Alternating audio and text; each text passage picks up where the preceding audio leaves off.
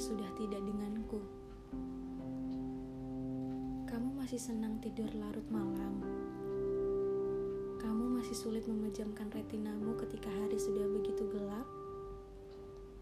Kalau masih seperti itu, berarti kita sama. Lalu sekarang, hal apa yang berbeda? Dulu, ketika langit sudah begitu larut, aku dan kamu saling mendengar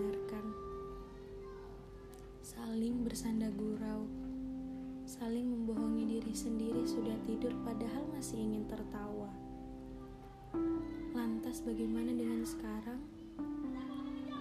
Sekarang kamu sudah tidak seberani dulu untuk cerita tentang masalah hidupmu kepadaku.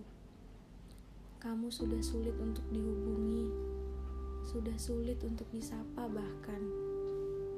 Andai waktu bisa dihentikan ketika kita saling mendengarkan saat itu apa pun akan aku tukar agar waktu bisa berhenti. Andai aku tahu kamu rumah untukku saat itu, aku pasti tidak akan berhenti di tempat yang lain hanya untuk singgah. Andai, andai semua sekarang hanya seandainya. Kini semuanya sudah berubah.